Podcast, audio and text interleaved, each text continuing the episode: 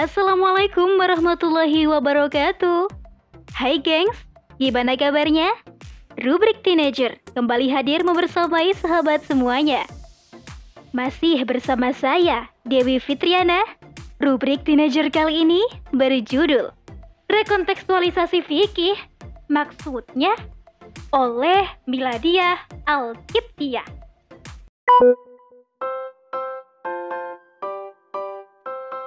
Halo anak milenials, lagi ngapain nih? Hidupmu jangan gitu-gitu aja dong. Yang seharian hanya main gadget, tiktokan, stalking artis yang lagi viral, atau pelototin view semalaman buat nonton drakor. Jadi anak milenial itu harus beda dong. Saatnya upgrade kapasitas dirimu dengan mengupdate berbagai fenomena yang terjadi di negeri tercinta kita ini. Mengapa? Ya karena anak milenial zaman now lah yang akan memajukan bangsa, ya kan? Saatnya kita berada di garda terdepan untuk mengusung perubahan yang hakiki. Sini deh aku bisikin lewat tulisan ini. Hehehe. Udah pada tahu kan siapa menteri agama kita sekarang? Yap, benar banget. Bapak Yakut Khalil Koumas. Tahu nggak, belum lama ini beliau mencetuskan gagasan rekontekstualisasi fikih pada pembukaan ITIS di Surakarta. Kira-kira ada apa ya? Kok pakai rekontekstualisasi fikih segala?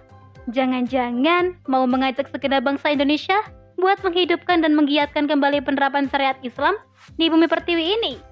Eits, tunggu dulu. Kayaknya enggak deh. Kan beliau sangat menentang ide syariat Islam untuk diterapkan di negeri ini. Beliau juga menolak ide khilafah karena disangkanya menyebarkan ajaran sesat dan radikalisme.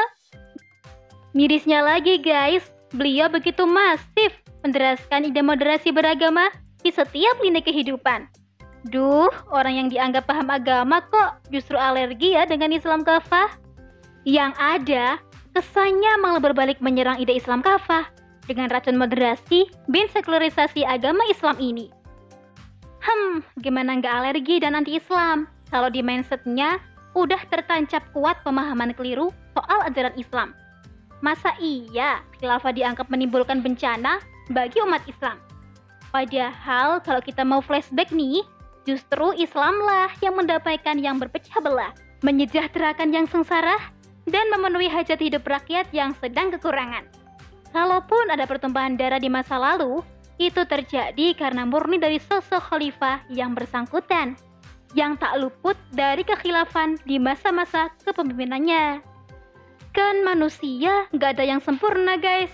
Bukan syariatnya yang diterapkan saat itu yang mencederai arti dari kepemimpinan Islam ya.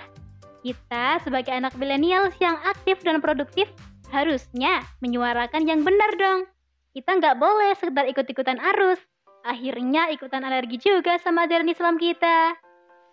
Untuk menyempurnakan tatanan dunia baru, Jalannya bukan membangun konstruksi Islam dengan spirit Islam moderat dan sekulerisme.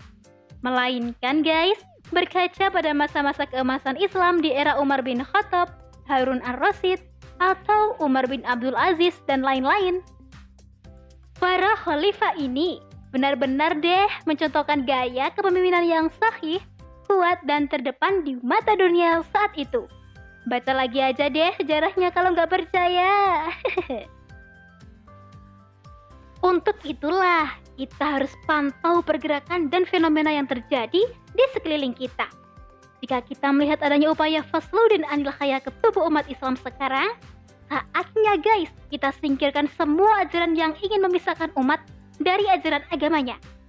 Gerak kita sedang ditunggu-tunggu loh oleh rakyat Indonesia untuk melenyapkan serangan pemikiran kufur serta budaya sekuler barat ke dunia Islam, termasuk ke negeri tercinta kita ini. Asal kalian tahu nih guys, ide barat itu benar-benar berbahaya banget loh. Mereka menanamkan racun pemikiran bahwa bukan lagi masanya hidup berjalan di muka bumi dengan terikat pada agama. Mereka menjebak pemikiran umat dengan ide sesat sekulerisme dan modernisasi. Barat semakin menuntut dunia Islam untuk melakukan reformasi yang menjurus pada modernisasi. Ah, jadi teringat nih perkataan Khalifah Ali bin Abi Thalib tentang kejahatan terorganisir akan mengalahkan kebaikan. Hmm, gini-gini deh maksudnya. Jadi, di dunia ini kan ada tiga ideologi tuh yang sedang bersaing untuk memimpin. Nah, masing-masing ideologi tentu melakukan segala upaya agar ideologi mereka lah yang paling eksis. Dan Barat setelah mengalami kemunduran beberapa dekade, tidak tinggal diam guys. Barat mulai mempelajari bahkan merenggut kehebatan peradaban Islam di masa keemasannya. Masa emas itulah yang paling ditakuti Barat kalau-kalau besok bangkit lagi yaitu masa kejayaan khilafah. Senada dengan Barat, Menak seolah-olah khawatir jika rakyat Indonesia berbondong-bondong memperjuangkan agar syariat Islam tegak kembali di Indonesia dalam bingkai khilafah. Oleh karena itu, mereka yang menentang ajaran Islam akan berupaya melepaskan keterikatan umat dari syariat Islam kafah. Mereka ini benar-benar lupa guys, kalau syariat Islam diterapkan pasti akan membawa rahmat dan beribu-ribu kebaikan di tengah kehidupan umat. Bahkan dengan syariat Islam nih, umat serta simbol-simbol Islam akan terhindar dari penistaan dan pelecehan. Benar nggak? Ya iyalah, anak milenials yang otaknya encer plus akalnya masih berfungsi seharusnya duduk-duduk berfaedah mendiskusikan secara total tentang kemaslahatan negeri ini.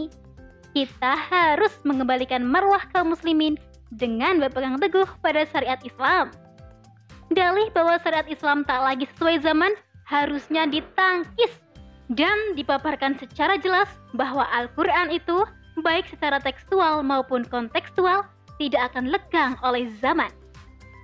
So guys, ide rekontekstualisasi fikih ini tidak hanya berbicara relevan atau interrelevan dengan kebutuhan zaman ya.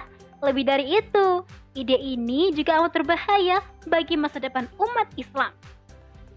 Kita harus tolak ide ini karena ide ini secara terang-terangan ingin menjauhkan umat dari syariat Islam. Perlu kita tahu nih guys, Islam adalah agama yang datang dari Allah Subhanahu wa taala, yakni zat yang Maha Tahu, Maha Adil, dan Maha Sempurna.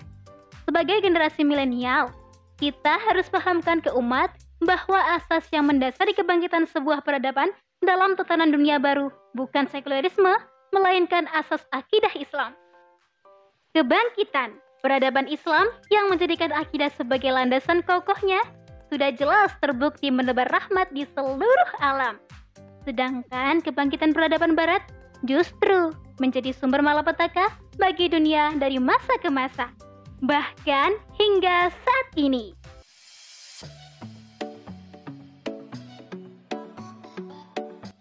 Oke, Dir. Sampai di sini dulu ya. Saya Dewi Fitriana, pamit undur diri dari ruang dengar sahabat semuanya. Bye-bye.